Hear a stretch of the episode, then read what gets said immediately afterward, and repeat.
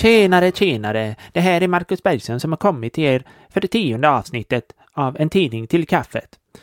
Ni kanske undrar varför det är ett jubileumsavsnitt? Ja, det är iför att Marcus kommer avsluta denna säsongen med det tionde avsnittet.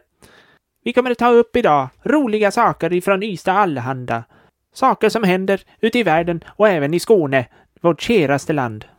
Hallå allihopa! Välkomna till eh, det tionde avsnittet av En tidning till kaffet. Där vi ska läsa ur Ystad Allehanda från 3 december 1913. Vi ska kasta oss tillbaka i tiden så man nästan kan höra hovarna från hästarna och de skramlande träkärrorna. Några saker som hände 1913 kan vi ta upp. Socialstyrelsen börjar sin verksamhet. Den lille Hävefru sätts ut. Den gamla kända skulpturen i Köpenhamn. Grand Central Station i New York invigs. Eh, och det är då också världens största järnvägsstation. Det Osmanska riket avträder alla sina områden i Europa utom Konstantinopel. Och eh, nu var det även eh, det var även nu som eh, Ford Motor Company kom på den geniala idén med löpande band-principen. Sveriges statsminister heter Karl Staff och världens första korsord publiceras i tidningen New York World. Det var några saker som hände 1913 som man vet hur länge sedan det är. Korsord, eh, det har ju räddat många somrar för många människor. Ja, men över till tidningen idag. Vi hugger i. Ystad Allehanda har vi framför oss. Eh, men innan vi går vidare så glömde jag, eh, innan jag glömmer det ska jag säga två saker. Förra gången, eh, förra avsnittet så skulle jag säga varför jag hade så många eh, tidningar av just Smålandsbygdens tidning. Ja, det var för att jag var ute på Blocket en dag och eh, tittade på annonser och såg att det var någon som hade en rejäl trave med Smålands, just Smålandsbygdens tidning som de var till salu. Och det, det var där jag fick idén till uh, denna podcasten. Uh, där jag tycker att det finns jättemånga intressanta artiklar i de gamla tidningarna som bara har försvunnit och aldrig liksom tas upp igen. Och det är kul att läsa den här gamla texten. De formulerade på ett helt annat sätt på den tiden och ja, det är spännande helt enkelt att läsa det igen. Så nu, och eh, det andra var att jag glömde tacka min eh, storebror Mattias Bergström för eh, den insända veckans viking. Det var nog den värsta vikingen hittills får man nog säga. Ja, då kör vi igång. Det är en gigantisk tidning detta här. Jag tror om man breder ut denna tidningen så är den nog lika stor som vår TV. I, uh, vår, vi har en 55 tums TV uppe i vardagsrummet och jag tror om jag breder ut denna tidningen så stor den kan bli så att säga, viker ut den, då är den ungefär lika stor som TV, TV-bilden. Den är gigantisk och ändå är det bara fyra sidor. Eh, ja, och då eh, är det så att på första sidan så finns det bara reklam.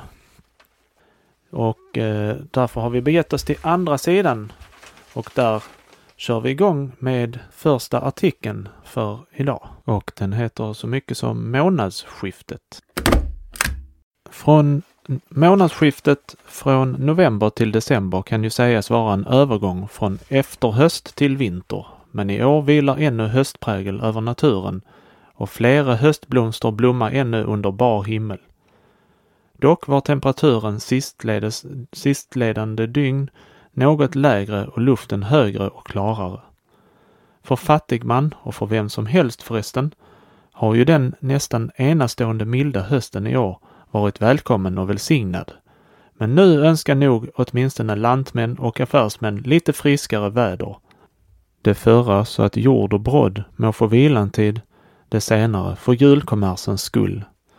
Senaste väderlekstelegram bådar mellan västlig och nordvästlig vind. Medeltemperatur tills vidare uppehållsväder. Det var slut på artikeln. Ja, det är väl inte så mycket att tillägga om denna artikeln. Klimatet var viktigt för jordbrukarna förr i tiden och eh, jorden behövde helt enkelt få vila ett, några månader tills vårsådden. Precis under här så har vi en artikel om från Sydöstra Skånes trädgårdssällskap. De hade i söndags eftermiddag ett extra möte à Hotel du Nord härstädes vars klubblokaler för ändamålet upplåtits. Nästan alla medlemmarna hade infunnit sig och tvenne nya erhållit inträde i föreningen. Att granska föreningens räkenskaper för år 1913 utsågs herr H Eriksson, Stora Herrestad och L Eriksson Ystad med herr G Hansson Ystad som suppleant. Telegram avsändes till det i Malmö samtidigt pågående skånska trädgårdsmannamötet. En livlig diskussion uppstod angående de skånska trädgårdsmännens förhållande till utställningen i Malmö nästa år. Och alla är voro eniga om det absolut oriktiga i lantbruksmötets sekreterare herr Löfvens påstående att de trädgårdsmännen producerade alstren vore så vore en småsak emot dem som de skånska lantbrukarna odlar. Det håller icke streck ens om trädgårdsodlingen endast bestod av lök, kål och frukt, vilka med få undantag är de uteslutande trädgårdsalster som lantmännen producerar. Mötet uttalade den förhoppning att förhållandena måtte ändras så att trädgårdsmannakårens vederfares samma rätt som andra utställare. Nästa möte då styrelseval äger rum utsattes till tredje söndagen efter nyår. Efter mötets slut intogs gemensam middag, vilket gjorde källarmästaren på Du Nord all heder. Den angenäma samvaron räckte till fram emot tio-tiden och säkert vore alla mötesdeltagarna nöjda med sin afton. Slut på artikeln. Ja, det var ju den här eh, baltiska utställningen de pratade om som skulle äga rum den eh, året därpå, 1914, eh, som, som då syftades på i artikeln. Nu ska vi läsa artikeln Orkanliknande stormar. Orkanliknande stormar har under söndagen och måndagen rasat över Torna härad och mångenstädes åstadkommit stora skador. Sålunda har halmstackar blåst över ända och halmtaken mångenstädes svårt ramponerats. Telefonförbindelserna har det varit klent beställt med. Mångenstädes har nämligen telefonpålarna blåst av och ledningarna avslitits. I skogar och trädgårdar har en mängd träd blåst omkull. I måndags morse vid sjutiden syntes rätt många skarpa blixtar, men fast himlavalvet täcktes av moln föll dock inte ett regn. Ej heller hördes någon åska. Gamla förståsigpåare påstår att dylikt skulle vara förebud till en mycket sträng vinter. Slut på artikeln. Ja, någon, om du skulle bli en sträng vinter så var det ju sent i så fall. Det hörde vi i den förra, förrförra artikeln. Eh, och när vi redan ändå är inne på klimattemat så kan vi ta en artikel som heter Utearbetena. Utearbetena kunna med den blida väderlek som råder fortgå trots den framskridna årstiden. Sålunda pågår höstplöjningen med all iver på ställen där den ej medhunnits. Det är nämligen ett viktigt moment i jordbruksskötseln att få jorden höstplöjd, åtminstone den som ska vårsås. Genom den utsträckta rotfruktsodlingen försumma lantmännen en lång tid på hösten och höstplöjningen får anstå. Men det ser ut som att väderleken anpassat sig efter lantbrukets förhållande då vintern numera sällan inträder förrän närmare jul. Ja, det var slut på artikeln. Ja, så där ser vi. Det var kanske inte så sträng vinter. Det kanske skulle komma, men den hade inte kommit i alla fall. Ja, jag ber om ursäkt om det prasslar mycket här, för den, denna tidningen är svår att hantera. Ut, eh, och belysningen är inte den bästa här nere i mitt lilla kyffe i källaren. En hårt prövad kvinna. 77 år fyllde i söndags änkefru Emelie Olsson i Torekov. Dagen högtidlig hölls med flaggning i hela samhället och flera lyckönskningstelegram ingingo från vänner när och fjärran. Den vördnadsvärda åldringen uppvaktades dessutom med en mängd personligen framförda lyckönskningar. Fru Olsson har kropps och själskrafter oförminskade i behåll, så mycket anmärkningsvärdare som hon genomgått hårda prövningar i livet. Vid 19 års ålder trädde hon i äktenskap med sjökapten B.P. Olsson, vilken emellertid jämte två deras söner förliste på färd från Halmstad till engelsk hamn strax före jul 1879. Några år senare emigrerade de återstående tre barnen till Amerika. Efter fem år ingick så underrättelse att den yngste av dem omkommit genom olyckshändelse i gruva. Slut på artikeln där. Det var ju tråkigt för Emelie detta, men jag undrar vem som var arbetsmiljöansvarig på de här arbetsplatserna. Lärde man sig ens simma på den tiden? Det kan man ju undra.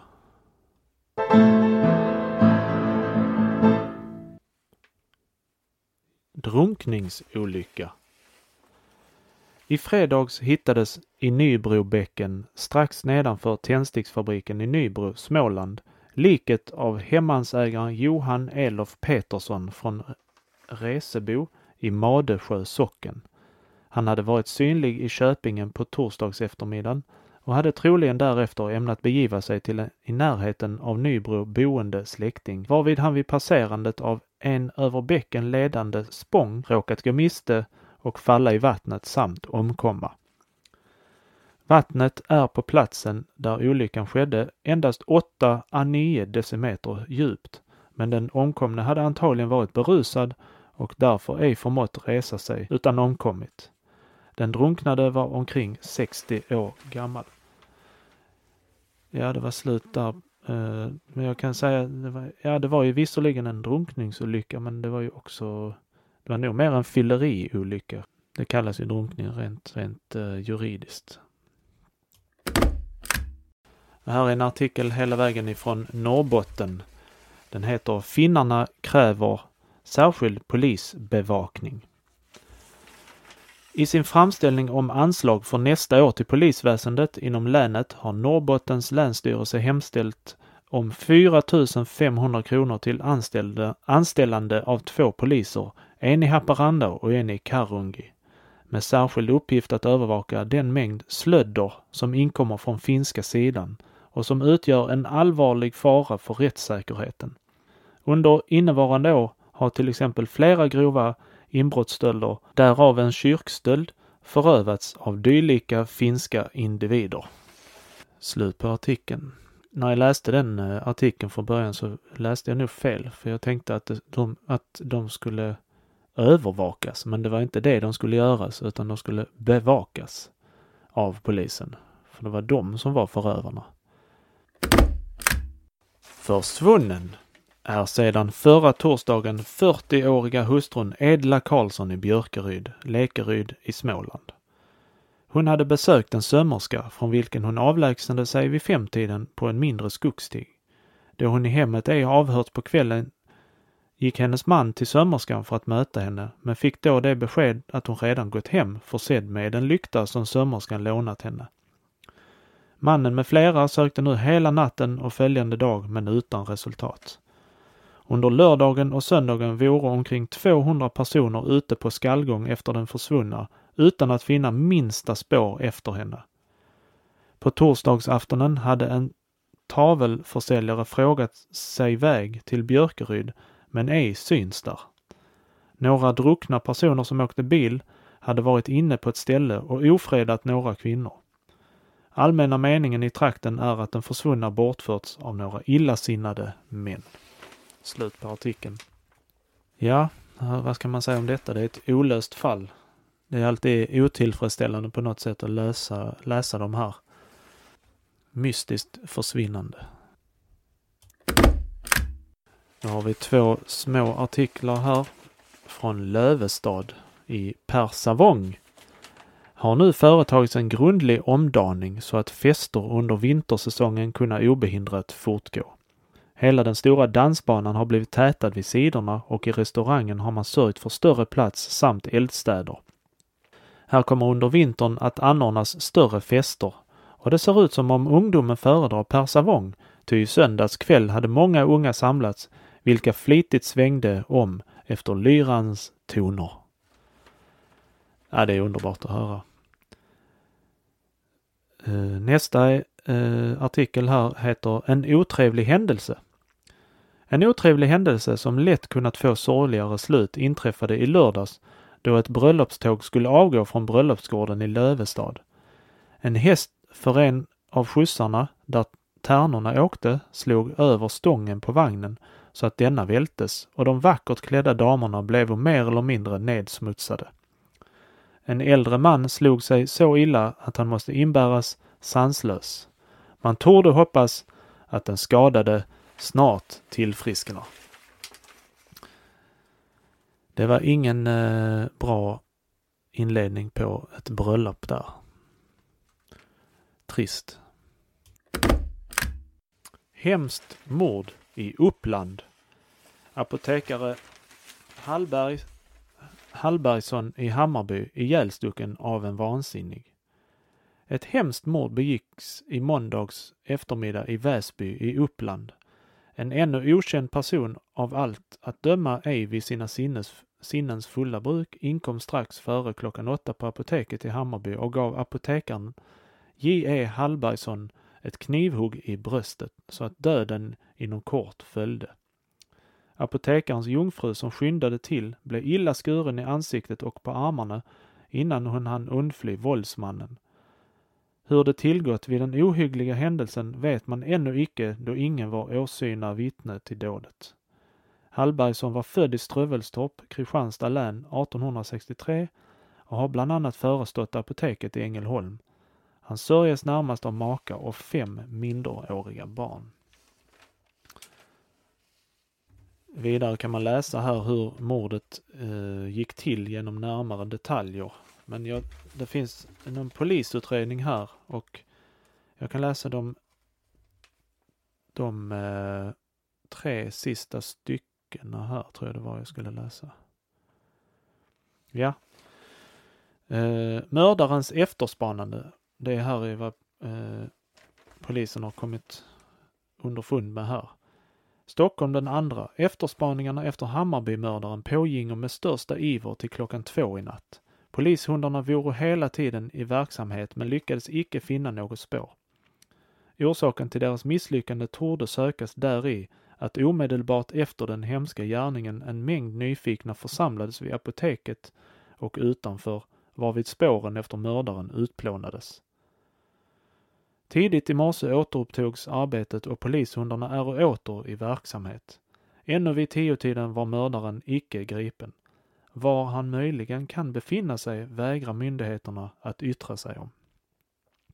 Stockholm den andra. Man tror nu att den efterspanade Hammarbymördaren begivit sig till Tureberg, en station på vägen mellan Väsby och Stockholm. Av sex Stockholmsdetektiver som biträdde vid spaningarna har två begivit sig till Tureberg. Det anses otänkbart att han med tåget lämnat platsen då man vid järnvägsstationen en kvart efter händelsen på apoteket hade hans signalement som även meddelades till de två närmaste stationerna. Stockholm den andra. En skogvaktare Olsson vid Tureberg som haft i uppdrag att hålla vakt efter Hammarbymördaren har meddelat att en person på vilken mördarens signalement stämde in varit synlig i trakten vid halv elva-tiden. Olsson hade tilltalat personen i fråga. Denne började då springa. Olsson satte efter honom omkring 500 meter och färden gick genom skogen där det lyckades rymmaren att komma undan söderut åt Stockholmshållet till. Kommissarie Hasselhön kommer därför i afton att bedriva efterspaningarna i Spångatrakten dit mördaren lätt kunnat taga sig fram genom skogarna. Slut på artikeln där. Det var lite spännande eh, spännande jakt på mördaren här men antagligen man undrar ju om de fick tag på honom, eh, mannen här, den sinnessjuka mördaren.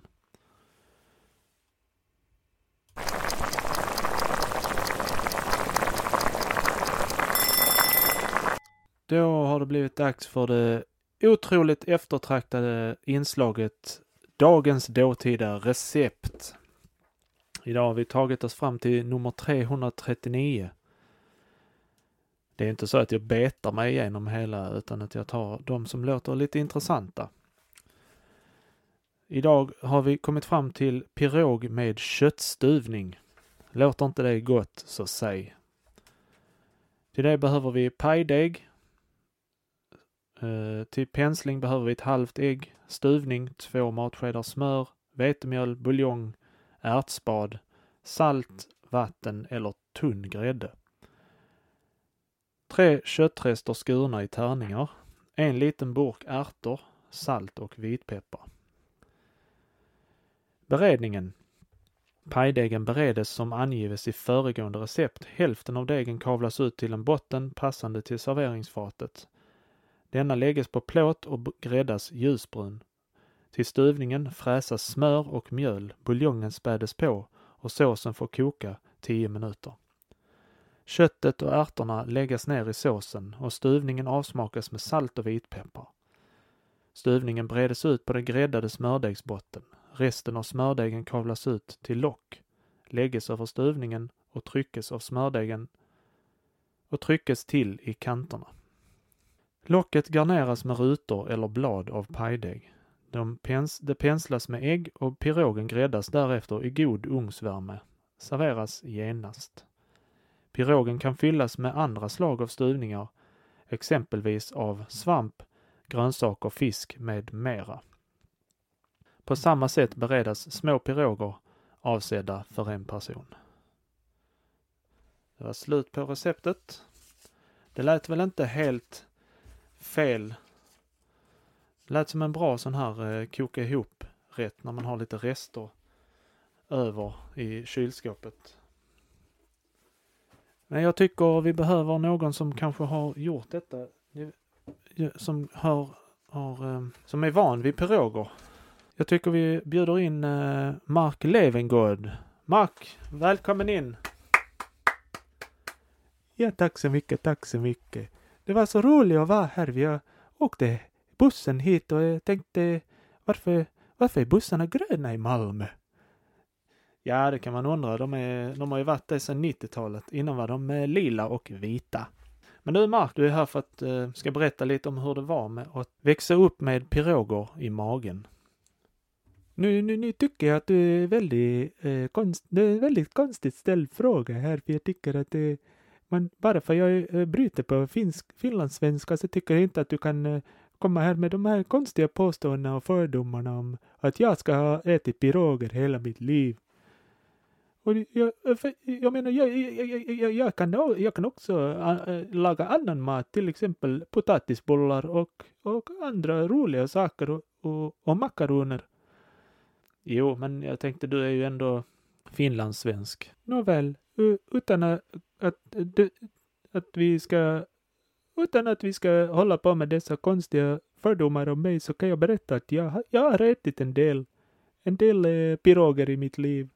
Det är väldigt gott och man kan ha all fyllning man vill ha i till exempel eh, friterad eh, anka kan man ha i, ja, ja visst kan man det. Det är roligt för jag tänker att, att när, när jag och Jonas äter tillsammans då, då säger han alltid så, Mark, kan du inte laga någonting annat? Men jag, jag tänker att nej, jag vill äta piroger idag och då blir det piroger. Ja, det lät ju mysigt. Men hur, eh, vad, vad var din eh, mammas eh, specialitet? Ja, det var att hon lagade den underbara rätten piroger med köttfyllning. Och ibland, om, om hon festade till det lite så, så la hon i lite lagerblad. Ja, det låter spännande. Men du, tack så jättemycket för att du kom hit och berättade lite om din, eh, om din otroligt goda mat ifrån barndomen.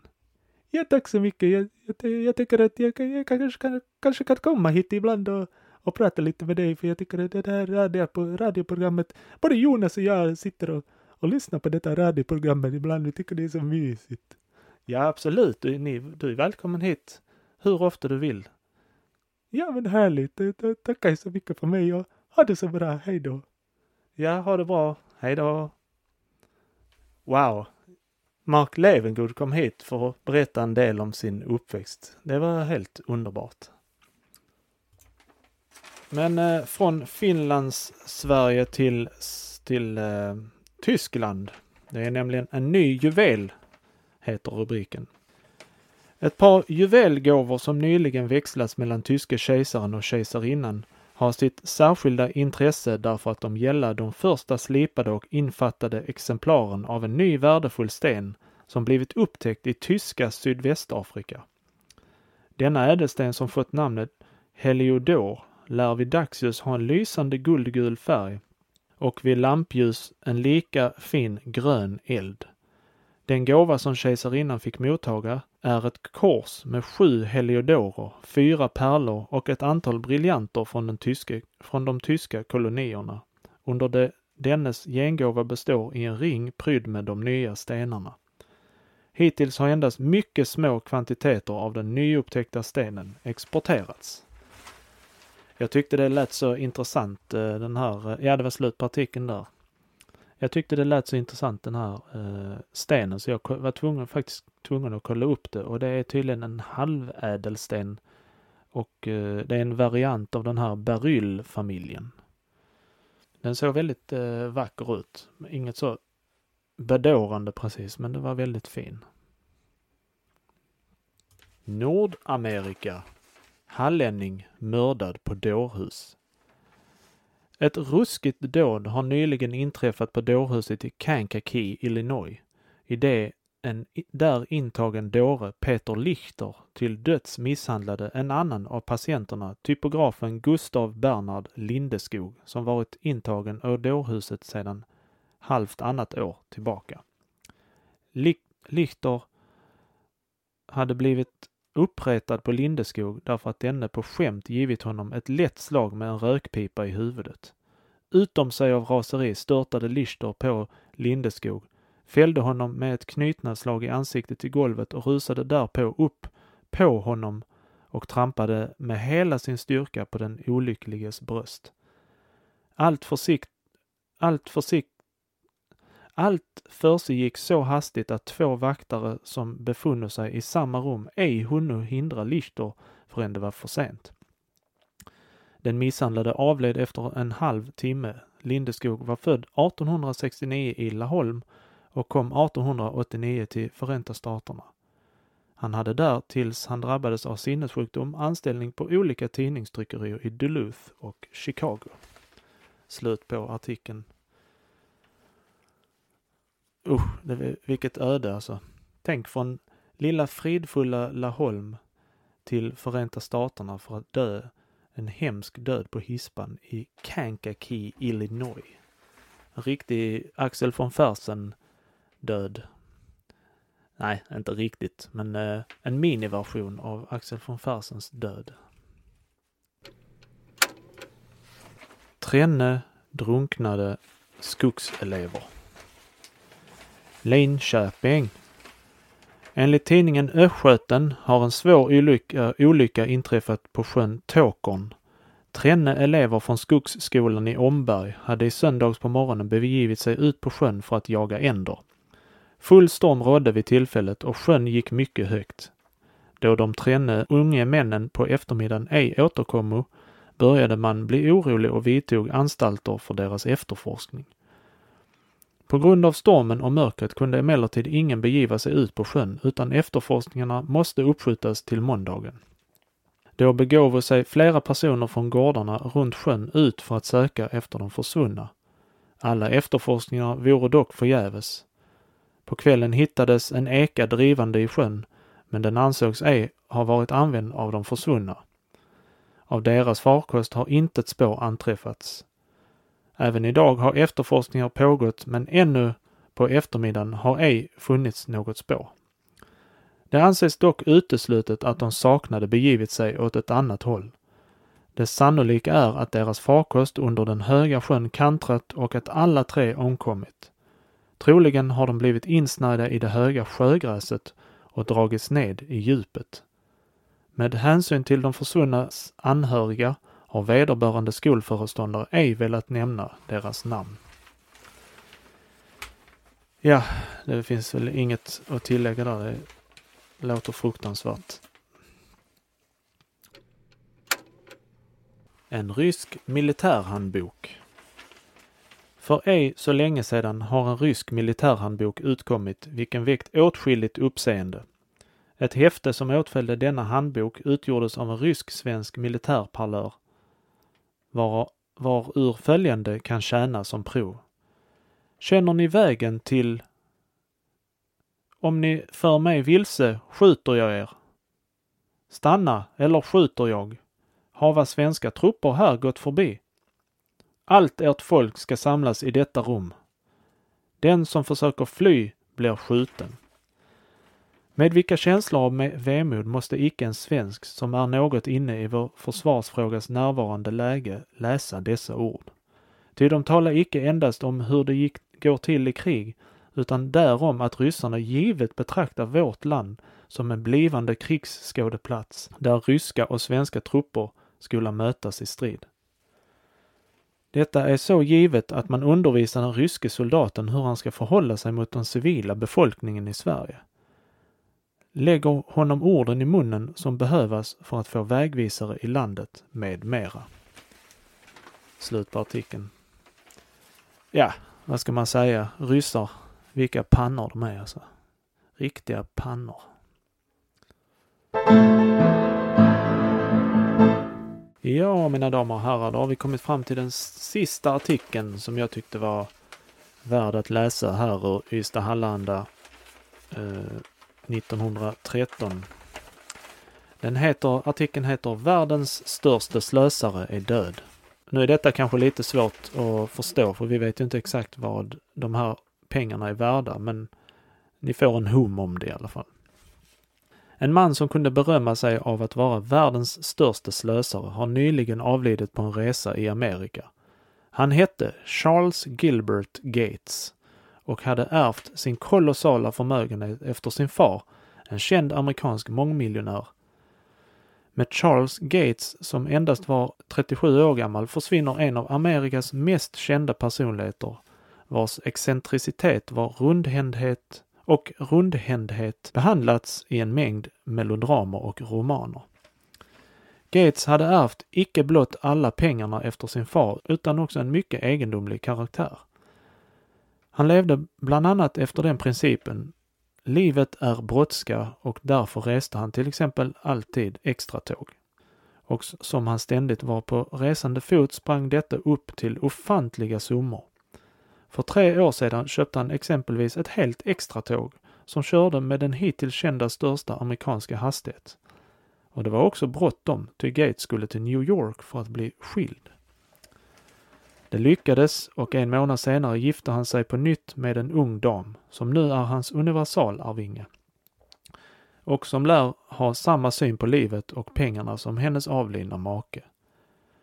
Vad tjänar det till att lägga pengar på hög? Då förstör bara en annan dem efter ens död. Ändå blir man för varje minut som går rikare än ens far och sov man aldrig så lite så drunknade man väl i guld.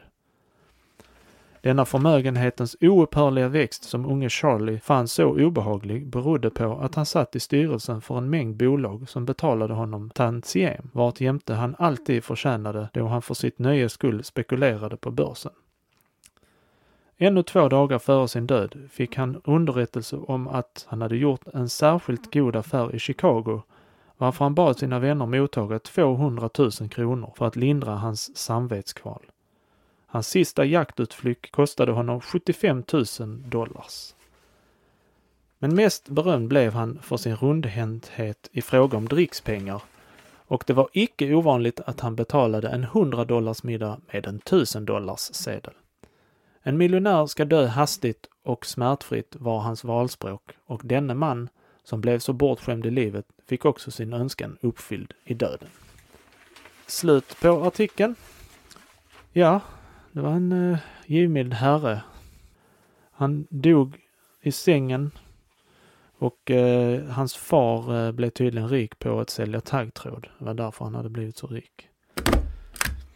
nej, vet ni vad? Jag, vi hinner med en artikel till. Sen måste jag sticka.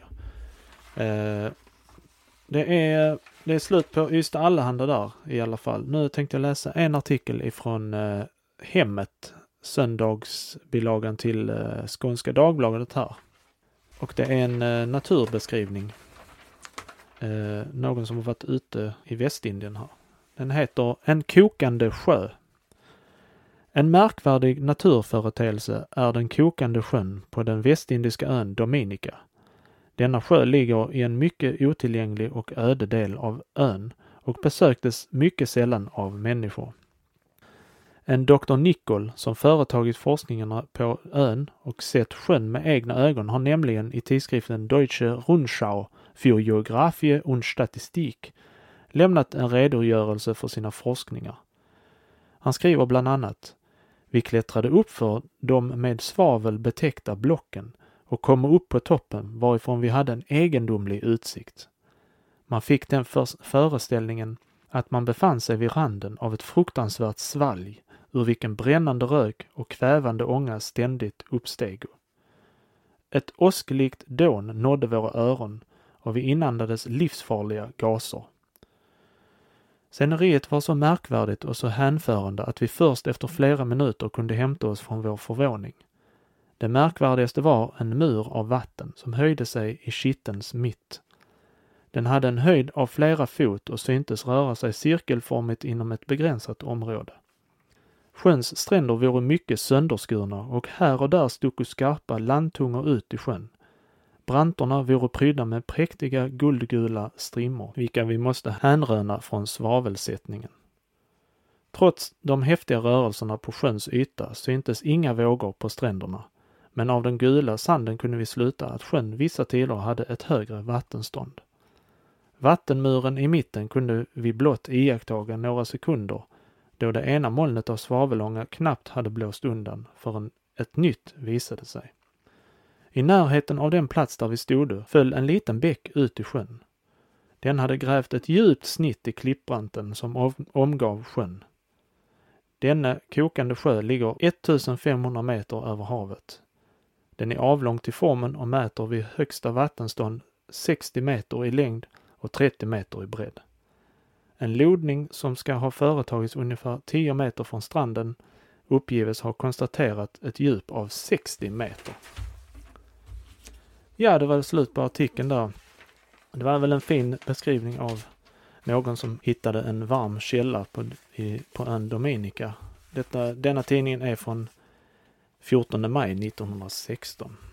Och denna artikeln får avsluta den, eh, denna säsongens sista avsnitt avsnitt 10.